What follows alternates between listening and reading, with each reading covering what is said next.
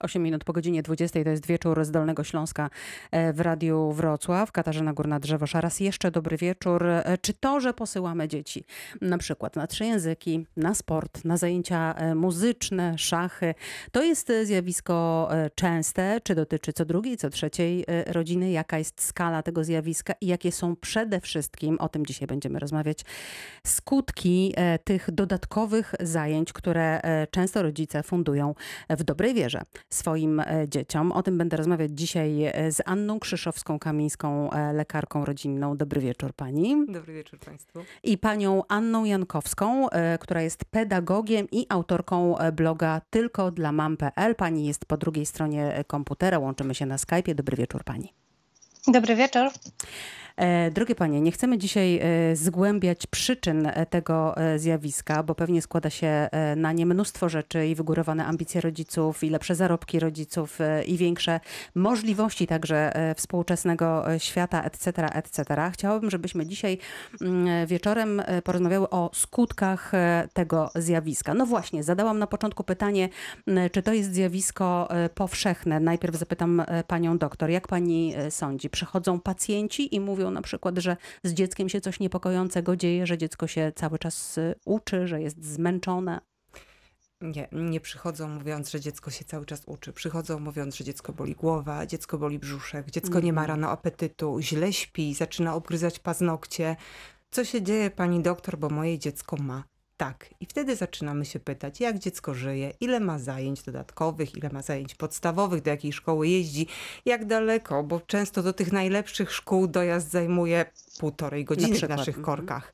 E, I na pewno nie jest to problem ogólnopolski, bo są rejony, gdzie nie ma takiego problemu. Moja koleżanka pracująca w zupełnie innej dzielnicy mówi, o czym ty mówisz, jakie zapracowane dzieci. Moje dzieciaki snują się po ulicach i puszczają głośno muzykę z wielkich głośników, patrząc kogo bardziej przestraszą. Także to, to jest problem, mam wrażenie, bogatych dzielnic, tam gdzie jest tak zwany wyścig szczurów od samego początku.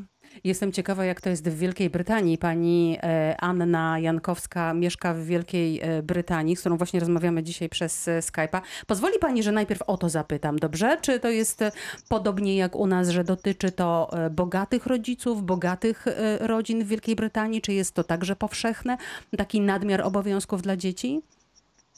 Wydaje mi się z takich moich obserwacji, że trochę tak, trochę tak jest, że ci rodzice, którzy mają trochę więcej pieniędzy i więcej możliwości, starają się zapewnić dzieciom jak najwięcej dodatkowych zajęć, ale też z drugiej strony, patrząc na to, co się dzieje w Polsce, jak te dzieci są przemęczone, e, jak patrzę tutaj, zwłaszcza na szkołę podstawową, to wydaje mi się, że to jest trochę bardziej przemyślane w tym sensie, że na przykład więcej zajęć teraz z- powodu pandemii, myślę, że w Polsce też tak jest i w innych krajach też, ale bardzo dużo zajęć odbywa się online. I tutaj te zajęcia dodatkowe online em, są o tyle świetne, że nie ma e, tego dojazdu, o którym mówiła pani Mhm. doktor do szkoły, prawda? Nie, dziecko nie spędza półtorej godziny, czy godzinę, czy nawet pół godziny w samochodzie, A tak jakbyśmy liczyli, tak jak rozmawiamy z dziećmi, z rodzicami i z dziećmi o tym, czy są przemęczone, czy mają dosyć, czy tego jest za dużo, e, to faktycznie warto też doliczyć ten dojazd jako zajęcia dodatkowe. My często tego nie robimy, mówiąc, że no dobra, no pół godziny zajęć dodatkowych e, we wtorek i jeszcze tam 45 minut w czwartek i jakieś tam jeszcze pływanie w piątek, no to wcale nie jest tak dużo, ale jak tak naprawdę policzymy i e, weźmiemy pod uwagę to, że tutaj godzinka w samochodzie, ale też zanim się wsiądzie do tego samochodu, no to trzeba wrócić z przedszkola albo ze szkoły i e, szybciutko coś tam zrobić, zjeść, odpocząć, spróbować i pobiec właśnie na te zajęcia i ten dojazd i to wszystko. Także tutaj te zajęcia online, które są dosyć mocno rozwinięte, uważam, że one są super, zwłaszcza jeśli chodzi o uczenie się języków obcych, to spokojnie można robić właśnie w takiej, że tak powiem, uproszczonej formie, która tak naprawdę wcale nie jest tak do końca uproszczona, bo mamy e, speakerów z, całego świata, czego nie można zapewnić, jak jedziemy na jakieś tam zajęcia do jakiejś tam szkoły czy jakiegoś klubu. Nie zawsze są speakerzy e, z różnych stron świata, a tutaj tak jest. Ale też zauważyłam i to też jest takie dosyć pozytywne, że tutaj nie ma takiego nacisku na zajęcia dodatkowe, które są tak bardzo, bardzo stresujące i wymagające od od dzieci. A jakie zajęcia ma Pani na myśli, mówiąc stresujące? no Bo ja też właśnie. o to chciałam zapytać, ponieważ u nas głównie, e, mam przynajmniej takie wrażenie, e, jeśli się mylę, to proszę mnie poprawić, ale ja mam wrażenie, że u nas kładzie się głównie nacisk na sport i języki e, obce, co pewnie też gdzieś wynika z naszej, z naszej historii. Chcemy, żeby nasze dzieci znały więcej, i więcej języków niż my znamy. A jak to jest w Wielkiej Brytanii, gdyby Pani mogła powiedzieć, jakie oczekiwania brytyjscy rodzice mają wobec swoich dzieci? W Wielkiej Brytanii jest tak, że y, są takie proste zajęcia. Na przykład moja córka, y, która chodziła do szkoły, chodzi nadal do szkoły w Wielkiej Brytanii, zaczęła jak miała 7 lat, teraz ma 11 lat, więc kilka już tych zajęć dodatkowych y, przerobiła, tych kursów. I na przykład jest kurs gotowania, co jest wielką frajdą dla dzieci, a jednocześnie nie jest jakimś ogromnym stresem. I dodatkowo jest umiejętnością, która przydaje się w życiu tak po prostu. Mhm. I nie mówimy tutaj o jakiejś wielkiej karierze, tylko o takiej codzienności, e, no, umiejętność, którą można wykorzystać. Jeśli chodzi o sport, to też oczywiście, że są takie zajęcia, gdzie już są no, jakby tak bardzo ukierunkowane na dzieci, które ćwiczą od e, długiego czasu, mają talent i tak dalej. No myślę, że w Polsce jest podobnie, ale są też takie, bym powiedziała, drobne dyscypliny sportowe, jak na przykład e, klub skakania na skakance.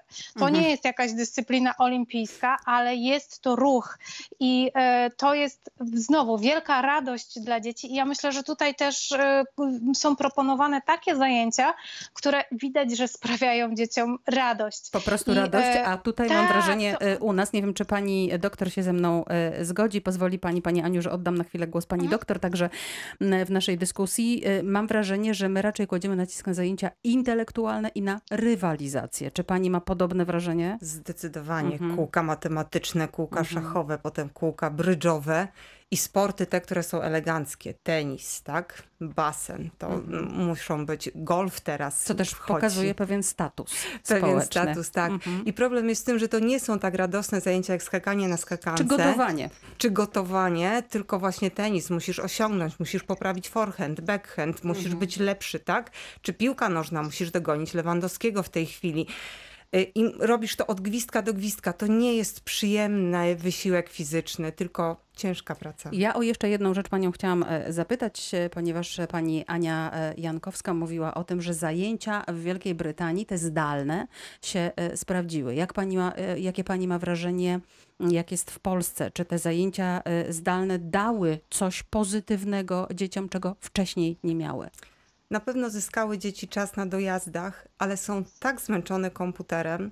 Moja starsza córka powiedziała, że ona przez miesiąc nie dotyka ekranu niczego, co ma związek z komputerem po ukończeniu semestru. Także ma to swoje plusy i minusy. A propos dojazdów, to e, odnoszę też takie e, wrażenie, nie wiem czy panie się ze mną zgodzą w tej części naszego programu, bo na chwilę się zatrzymamy, zaraz muzyka, że w czasie tych godzinnych dojazdów też wartałoby przynajmniej słuchać takie głosy ze strony rodziców, odrobić lekcję albo poczytać książkę, prawda, żeby tego czasu nie zmarnować, żeby po prostu go nie przesiedzieć. Więc nawet ten godzinny dojazd gdzieś myślę, że może być dla dziecka jakimś dodatkowym e, obciążeniem. To jest wieczór z Dolnego Śląska w Radiu Wrocław. Dzisiaj rozmawiamy o e, dodatkowych zajęciach e, pozaszkolnych, które, którym, które często rodzice fundują swoim dzieciom i często w nadmiarze. Niestety. Niestety, dlaczego? Jakie są skutki właśnie takich dodatkowych zajęć? O tym dzisiaj w programie z moimi gośćmi Anną Krzyszowską-Kamińską, lekarką e, i Anną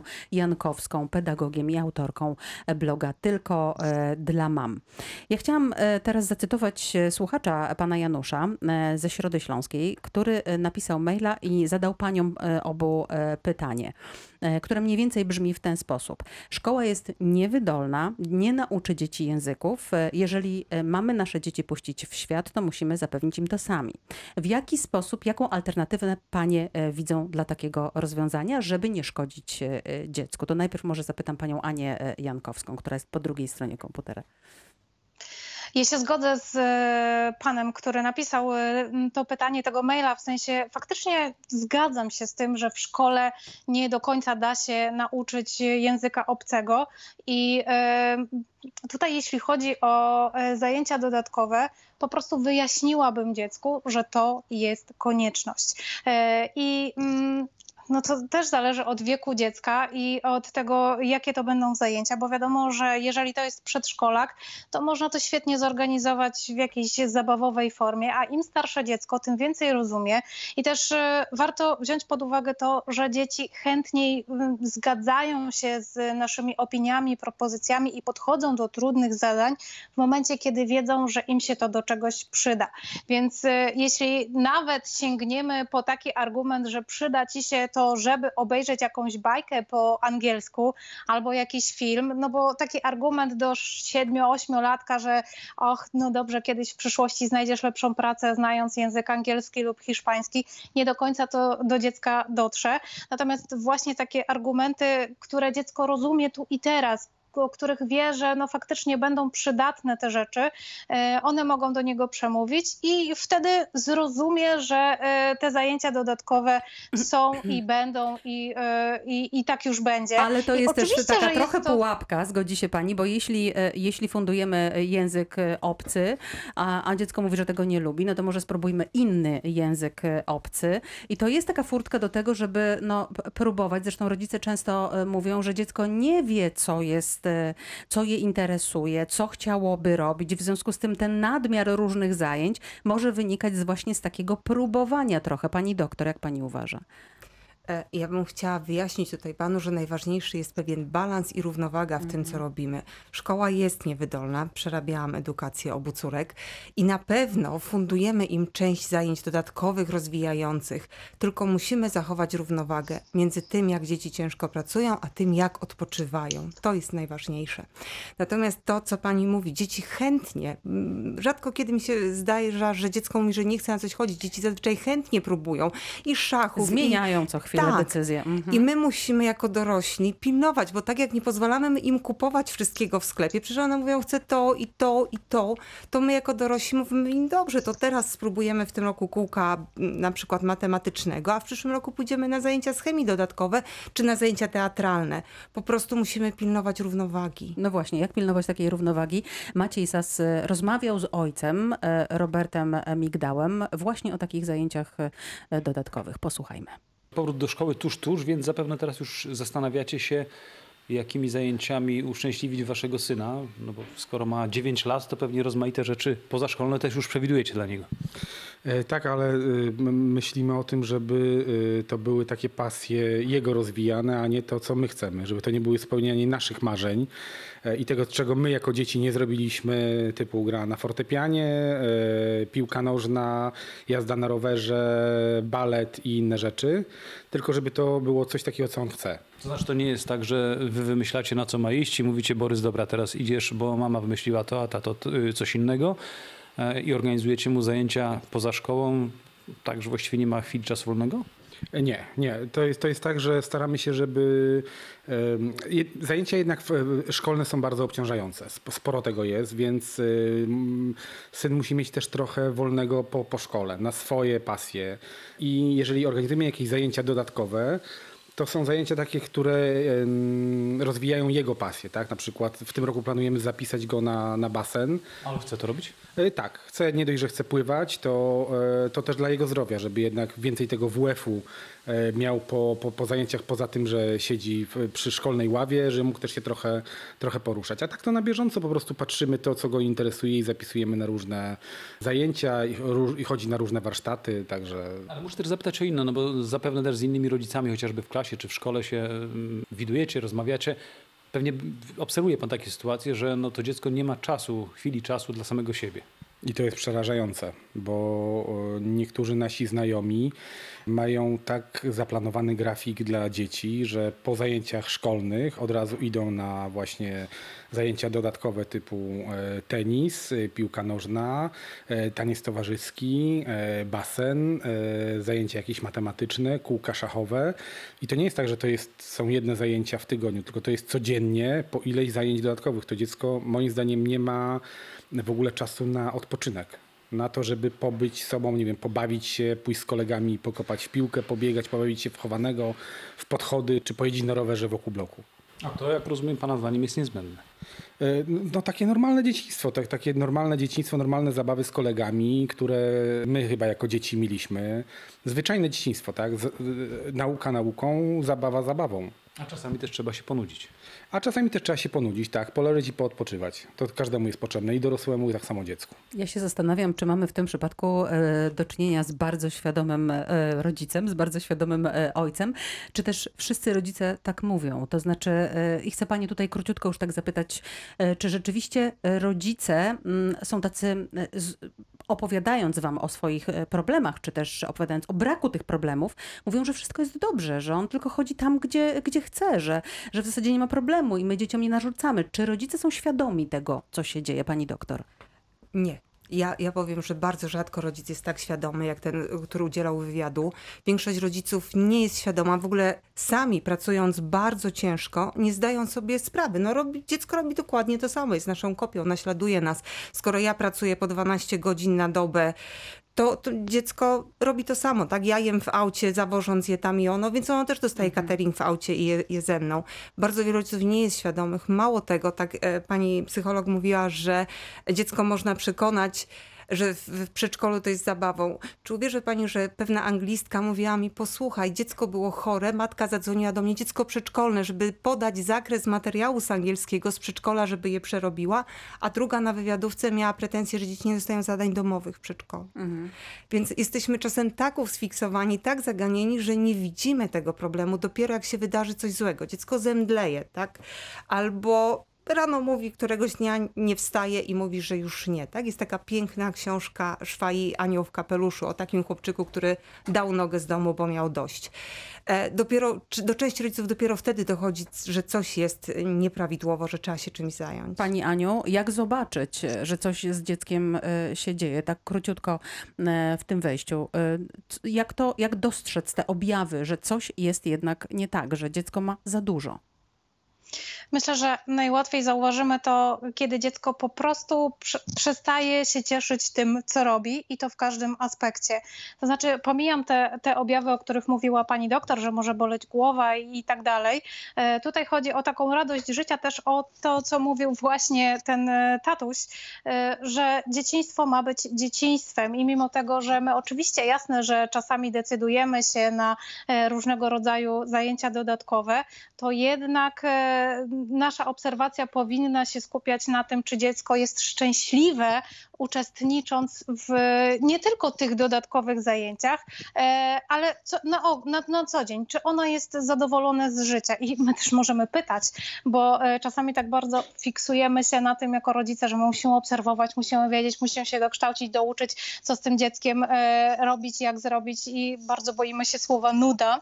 E, Natomiast właśnie możemy czasami po prostu dziecko zapytać, czy jest ok, czy w porządku, czy to nie za dużo. I czy dobrze E, się nudzi? Pozwoli pani, że tutaj się na Tak. chwilę zatrzymamy, bo ta nuda, myślę, jest, jest ważna. E, Za chwilę o tej e, nudzie porozmawiamy. To jest wieczór z Dolnego Śląska w Radiu Wrocław. Dzisiaj rozmawiamy o nadmiarze obowiązków wynikających z nadmiaru mm, zadań, z nadmiaru dodatkowych e, zajęć, które często rodzice fundują e, swoim dzieciom. Oprócz tego, że oczywiście chodzą mm, do szkoły. Mamy telefon słuchacza. Dobry wieczór. Dobry wieczór. Ryszard z Wałbrzycha się kłania. Pani Katarzyno, przepiękny program edukacyjny, tylko bym prosił szanownych gości może kilka wskazówek dla rodziców, właśnie bo to rodzic sobie wypełnia tą lukę, co w dzieciństwie nie mógł spełnić, to teraz przerzuca na dziecko, a jeżeli chodzi o nudę, to powiem, y, panie doktor, jest tak, że jak prowadzę świetlicę środowiskową na Białym Kamieniu, dzieci przychodzą, to jest dopiero nuda ze szkoły. Wiesza sobie plecak na po prostu swoje miejsce, puszcza muzykę, pani wychowawczyni robi herbatę, jest pełen luzik i widzę, jak te dzieci ze sobą rozmawiają, cieszą się, bez nakładu, bo za chwileczkę Kasia mówi, a ja idę, na, jak pan mówił, na basen, Tomek mówi, a ja idę na korty. Super, ten panie mówi Ryszardzie, bardzo tak gratulujemy. Gratulujemy, że dba pan o nudę dzieci. Pozwoli pan, że oddam e, głos e, naszym e, ekspertkom. Dziękuję. Pani, pani doktor, no właśnie, zacznijmy może od, od pytania, bo pan Ryszard powiedział, proszę poradzić rodzicom, którzy chcą dobrze, w jaki sposób, w którym momencie przekraczamy te granice, my jako rodzice, chcąc dobrze, chcąc im pomóc, chcą, chcąc im pomóc właściwą drogę, chcąc zadać im jak najlepsze wykształcenie. Myślę, że bardzo ważne jest to, co powiedziała pani Ania, pani psycholog, że patrzymy, czy dziecko jest radosne. Dopóki się cieszy, dopóki potrafi żyć pełnią życia, myślę, że jest ok, bo rzeczywiście niektórzy potrafią unieść więcej, niektórzy zdecydowanie mniej, ale można też po prostu policzyć godziny pracy, tak? Normalnie mamy 8-godzinny dzień pracy i starajmy się, żeby nasze dzieci nie miały tego więcej. Po prostu policzmy, ile mają w szkole, ile zajęć dodatkowych, ile dojazdy i zobaczymy, jak dużo pracują. Często myślę, ponad 8 godzin. Ale myślę, że bardzo istotne jest to, co powiedziała pani na samym początku naszego programu, a mianowicie mianowicie to, że jeżeli dziecko zgłasza no, takie nagle dziwne bóle e, brzucha, ból głowy, albo to, że nie chce chodzić e, do szkoły, albo to, że po prostu źle się czuje, czy też często płacze, to nie lekceważmy takich objawów, bo one mogą być sygnałem e, no nie jakichś fanaberii czy fochów, jak często się mówi, tylko po prostu no, już jakiejś reakcji, tak? Tak, bardzo często dziecko jest po prostu wycieńczone, przemęczone. E, robimy, rodzice przychodzą z dzieckiem, robimy podstawowe badanie, tak, badanie fizykalne, badania dodatkowe, zbieramy dokładnie wywiad, jak to dziecko żyje, jak ono odpoczywa, czy w ogóle odpoczywa. Bo czasem nawet w sobotę ma zajęcia, a w niedzielę odrabiają wszystkie zaległości. Rodzice nie mają czasu na spacer z dzieckiem, na to, żeby pobyć z dzieckiem, ponudzić się z dzieckiem. Także e, zawsze należy się skonsultować z lekarzem, zbadać dziecko, zrobić podstawowe badania i zastanowić się, bo czasem idziemy w pełną diagnostykę, gastroskopię, kolonoskopię, tomografię, rezonansę, a okazuje się, że dziecko jest po prostu zmęczone. Pani Aniu, e, czy dlaczego tak zbawienna jest nuda? E, w którym momencie nuda jest dobra, a w którym momencie nuda przestaje być e, nudą i rozleniwia dziecko? No wydaje mi się, że teraz to my akurat jesteśmy w takim momencie, że ta nuda to jest takim towarem deficytowym hmm, i rzadko się zdarza, żeby dzieci cierpiały na nadmiar tej Nie nudy. ma szans na rozleniwienie. Trzeba, tak, trzeba o nią powalczyć. Natomiast zgadzam się z tym, że e, ten balans jest niezmiernie ważny. Czyli e, jak my pracujemy ileś godzin i faktycznie wracając z pracy nie mamy ochoty na to, żeby przyjść do domu, zjeść obiad i rzucić się w wir pracy ponownie.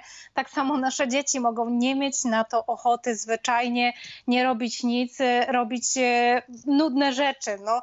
Ale I też zapytam nie panią, określać. Mhm. Przepraszam, zapytam panią jako, jako pedagoga. Dzieci wracają często e, do domu, mają za dwie godziny jechać e, na trening i mają tylko te dwie godziny na odrobienie lekcji. Rodzic mówi, odrób mhm. w tej chwili lekcję, bo potem już nie zdążysz wracając z treningu. Zapytam panią jako pedagoga, czy wiedza przyswojona właśnie tak w biegu po szkole, przed treningiem, czy to będzie wiedza efektywna? Nie, no absolutnie, to nie będzie wiedza efektywna, chyba że jest to przedmiot, który dziecko uwielbia, jest jego pasją i w każdym innym przypadku będzie to po prostu, e, no takie brzydko mówiąc, na odwal się zrobienie tego mhm. zadania domowego, bo trzeba to zrobić e, i już. Więc e, no nie, no nie, tutaj do tego czasu pracy, o którym mówiła pani doktor, te lekcje oczywiście, że trzeba doliczyć i najsensowniej, żeby znaleźć w ogóle miejsce na nudę w życiu dziecka, jest właśnie usiąść i policzyć te godziny, żeby nawet jak już nie mamy takich obserwacji, czy to dziecko jest radosne, czy nie, wydaje nam się, że wszystko jest ok, policzmy to po prostu czasami czarno na białym napisane. Y, y, daje więcej do myślenia niż wysłuchanie 50 rozmów właśnie psychologa, pedagoga y, i tak dalej. Czasem po prostu napisanie na kartce to, to jest najważniejsza rzecz. I myślę, że to by... Tak, mhm. proszę króciutko jeszcze. Mhm. Dobrze, a propos tej nudy, ja bym też chciała podpowiedzieć rodzicom, odnosząc się do tego pytania pana, który zadzwonił, chciałabym jakby e, podpowiedzieć, że można tę nudę wznieść na wyższy poziom i bardzo, bardzo bym zachęcała, żeby się nudzić na powietrzu, to znaczy wyjść z domu, e, bo wiadomo, że jak się nudzimy w domu, no to prędzej czy później wylądujemy przed ekranem, wyjść z domu i po prostu szwendać się po lesie, na podwórku, nie robić nic, nudzić się przeokrutnie, marudzić, że, że, że nudzimy się, a jednak być i patrzeć na zielone. Dzisiaj w wieczorze z Dolnego Śląska w Radiu Wrocław rozmawiamy o przeciążonych dzieciach, niekoniecznie plecakami, jak to często bywało. Waży się dzieciom plecaki, zadając pytanie, czy muszą ważyć aż e, tak dużo i czy dzieci muszą do szkoły nosić aż tak dużo, ale e, przeciążonymi głównie tymi dodatkowymi obowiązkami, a może także nawet i oczekiwaniami e, rodziców. Pani doktor, chcę zapytać o to, czy to, że mówi się już o wypaleniu zawodowym dzieci, to nie jest przesada? Nie, niestety te dzieciaki uczą się tak dużo, biorą udział w tylu konkursach, zajęciach dodatkowych, olimpiadach. E, One nie dają sobie często z tym rady i zaczynają się potem to, z czym ma do czynienia pani magister, depresję, anoreksję, bulimię, do samookaleczeń, do naprawdę poważnych y, chorób, tak? Także e, musimy bardzo być czujni, patrzeć na to, ile pracują i jak pracują nasze dzieci. Ja czytałam kiedyś artykuł e, z pani udziałem i pani tam w tym artykule napominała również e, o tym, że mm, to, że psychiczne skutki no właśnie takiego przeciążenia są e, dość widoczne, to jest jedna rzecz, a druga rzecz jest taka, że my często jako rodzice posyłając dzieci na różnego rodzaju sporty, nie, znajemy, nie zdajemy sobie sprawy z tego, że e, te dzieci trenując zbyt intensywnie, próbując właśnie sprostać naszym oczekiwaniom, również e, ponoszą tego bardzo poważne zdrowotne konsekwencje w postaci na przykład krzywego kręgosłupa, etc., etc. Tak, to są nie tylko nasze oczekiwania, to są też oczekiwania trenerów, bo Mm. proszę pamiętać, że taki trening to nie jest radosny sobie sport, pójdę, popływam, czy poskaczę w kabla, na, czy na skakance, tylko to jest intensywny trening. Mam mieć ewidentne e, efekty tego treningu. I często e, trenerzy się tak przyjmują, że ćwiczą swój kawałek dziecka jakby, nie patrząc na rozwój całościowy. Najczęściej to są nastolatki, ten okres, kiedy gwałtownie rośniemy, kiedy mamy długie nogi, długie ręce, to wszystko nie do końca ze sobą pracuje. Hormony zaczynają szaleć, dziecko jest w ogóle w takiej sobie rozsypce, a tu jeszcze intensywny trening i nagle po tenisie mamy dziecko wygięte w jedną stronę, mimo że wcale genetycznej skoliozy nie ma, tak? Czy piłkarze, którzy nie potrafią stanąć na boso na palcach, bo cały czas trenują w sztywnych butach. To też jest niezwykle istotne, jak te dzieci trenują i co fizycznie uzyskują, a co tracą. Teraz do pani pedagog e, się zwracam, ale jak wytłumaczyć e, e, tatusiowi czy mamusi, która tak bardzo widzi potencjał sportowy e, w swoim e, dziecku, że no, a dodatkowo przecież ten sport to zdrowie, wszyscy o tym mówią, także lekarze i, i pedagodzy, no to jak wytłumaczyć, jak to zrobić, żeby ten sport nie szkodził? No właśnie tutaj chodzi o to, żeby zacząć edukować również rodziców, bo e, no faktycznie tak jest, że e, jesteśmy przyzwyczajeni, jako dorośli już teraz mówię, do tego, że od nas też się tak dużo wymagało i w tej szkole też, tak jak pani doktor ładnie powiedziała, każdy miał swój kawałek dziecka, w sensie każdy nauczyciel w szkole i zresztą dzisiaj też tak jest, też ma swój kawałek dziecka i pani od historii uważa, że jej przedmiot jest najważniejszy i zadaje dużo i tak dalej, i tak dalej i każdy ma ten swój przedmiot plus ten sport. I tak jesteśmy trochę wyuczeni i dlatego dorośli bardzo często nie widzą, że tutaj leży problem i bardzo często argument jest taki, że ach, ja dałam radę, to i ty możesz Mhm. sobie e, poradzić. Oprócz tego jest też takie przeświadczenie w dorosłych głowach, że ten sport, i to jakby poniekąd to jest prawda, że on tak hartuje ducha, że jak dziecko uprawia sport, to się przyzwyczai właśnie do rywalizacji, że potem mu jest e, łatwiej w życiu i to jest prawda, ale znowu wracamy do e, hasła równowaga, harmonia i balans, czyli faktycznie mm, można e, brać udział w różnych zawodach sportowych i czerpać z tego przyjemność, ale jednocześnie powinno też dziecko mieć e, możliwość współpracować z rówieśnikami, to znaczy nie myśleć tylko moje wyniki, ja muszę to osiągnąć, to co potrafię najlepiej, tylko ja, ja i ja. Bardzo warto też zwracać uwagę na to, żeby dziecko współpracowało z innymi, bo jak tak spojrzymy na dorosłego, który był takim dzieckiem e, właśnie przyciśniętym do muru, że tak powiem, e, to faktycznie jako dorosły, jako pracownik nawet, on jest e, brzydko mówiąc mało wartościowy, to znaczy jest skupiony tylko na sobie, widzi tylko swoje potrzeby, nie potrafi współpracować z zespołem i nie ma na to zbyt wielkiej ochoty. I Czyli to nawet nie jest zbyt jeśli... dobra lekcja. Tak, no, no, no właśnie, no tutaj przegięcie w każdą Mhm. stronę jest po prostu słabym pomysłem. Pani doktor, e, chcę zapytać, w jaki sposób tak intensywne e, życie, właśnie e, szkoła, czy to zdalna, czy też szkoła, do której musimy dojechać, o czym panie mówiły. Potem matematyka, angielski, muzyka, sport, cokolwiek, wpływa na relacje z rówieśnikami, na sen, na dietę. Czy te dzieci są dobrze odżywione? Mają czas na to, żeby zjeść śniadanie, obiad e, e, i kolację? Mają czas na to, żeby się wyspać? I jakie ewentualnie mogą być skutki tego, że są źle odżywione, zakładam, albo niedospane? Bardzo jest różnie. Czasem ta dieta wygląda byle jak. Rano przepracowane dzieci bardzo często nie mają apetytu, więc w ogóle wychodzą na czas z domu, co uważam, że jest niedopuszczalne. Potem e, jedzą w przelocie jakieś pierogi albo naleśniki, bo to lubią to łatwo zjeść z pudełka w aucie, jadąc na dodatkowe zajęcia, czy po drodze w jakimś kiosku, jakąś knyszę, coś.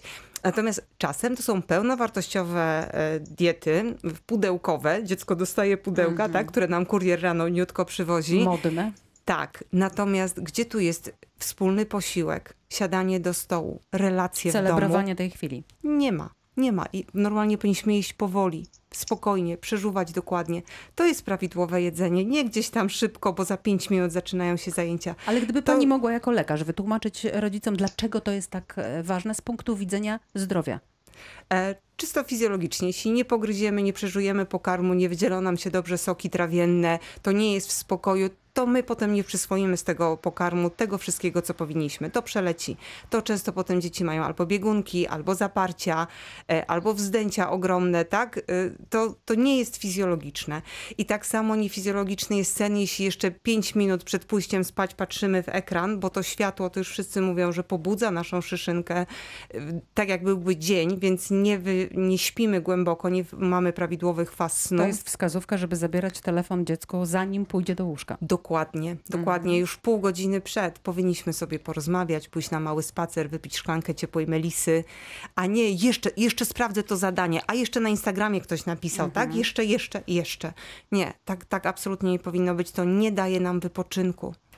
Ponieważ nasz czas zbliża się powoli do końca, chciałam paniom obu e, zadać na koniec e, takie pytanie. W naszej rozmowie często pojawiało się, jak to było kiedyś, jak to było w naszym dzieciństwie, że dzieci miały szansę, więcej szans na to, żeby, żeby wybiegać, być może nie odczuwały aż tak wielkiej presji. Często też pojawiały się takie głosy, że, że w zasadzie rodziców szkoła za bardzo nie interesowała. Dzieci chodziły do szkoły, rodzice e, chodzili do pracy. I myślę sobie, że o ile brak zainteresowania kompletnie szkołą, to też nie jest może dobry y, kierunek, ale mm, co panie na to powiedzą? Gdyby dzieciom dać wolną rękę, czyli e, wybieraj, decyduj, chcesz się uczyć języków, ucz się, chcesz chodzić na sport, no pokaż, znajdź klub. y, Gdyby je po prostu w tym trochę zostawić, jaki to mogłoby e, przynieść efekt? Zapytam najpierw e, panią Anię Jankowską.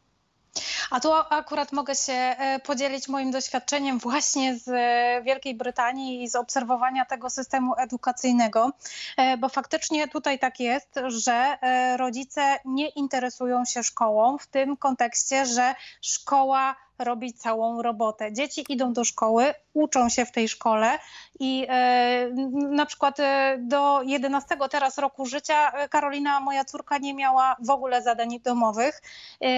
Wszystko, czego miała się nauczyć, było robione w szkole do tego stopnia, że ja jako rodzic, który przyzwyczajony i zresztą nauczycielka też przyzwyczajona do tego, jak wygląda szkoła w Polsce, że ci rodzice te zeszyty znają na pamięć i książki też i te ciężkie plecaki. Tutaj plecaków znowu Karolina w ogóle nie ma e, żadnego plecaka. E, Tutaj e, ja byłam w szoku, że tak nie wymaga się od rodzica i faktycznie nie wymaga się tutaj niczego od rodzica, bo szkoła wychodzi z założenia, że y, lekcje i cała nauka odbywają się tam.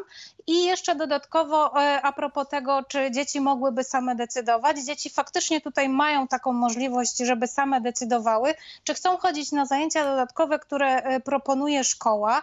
I jeszcze co jest e, trzecia rzecz, e, naprawdę bardzo fajna, te zajęcia dodatkowe, które wybierają sobie e, dzieci samodzielnie, oczywiście z jakiejś tam puli ograniczonej, ale już wymieniałam, jakie to są zajęcia, czyli takie stosunkowo proste, chociaż oczywiście kluby matematyczne i sportowe też jak najbardziej są, e, to to trwa trzy miesiące, bo tak tutaj wygląda taka jednostka, po której jest tydzień przerwy, potem znowu trzy miesiące, Mhm. tydzień przerwy i tak aż do wakacji, więc e, Czyli dziecko systemowo- sprawdzić, mhm. Tak, czy, Systemowo czy jest to po prostu miesiące inaczej rozwiązane. Ja się w, tak, Mhm. czy, czy ja się w te trzy miesiące wkręcę w to gotowanie, czy tam taniec, Mhm. czy cokolwiek innego, czy nie, jak nie, to sobie wybieram coś na kolejne trzy miesiące innego. Uważam, że to jest bardzo w porządku. E, Ja tutaj wtrącę, e, ostatnio gościłam uczennicę e, liceum w programie Wymiana Młodzieży i ona powiedziała, że w polskiej szkole też już jest taka możliwość, że na przykład wybieram, że tego przedmiotu uczę się na trójkę, albo wybieram, że tego przedmiotu uczę się na czwórkę. Tylko co z tego, skoro z tyłu głowy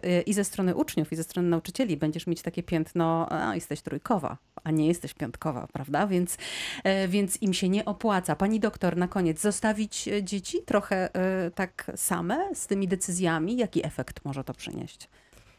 E, Myślę, że te starsze już nastolatki, 14 lat i w górę, jak najbardziej możemy próbować zostawiać sami, czujnie tak sobie z, da- z dalsza obserwując, jak sobie z tym radzą.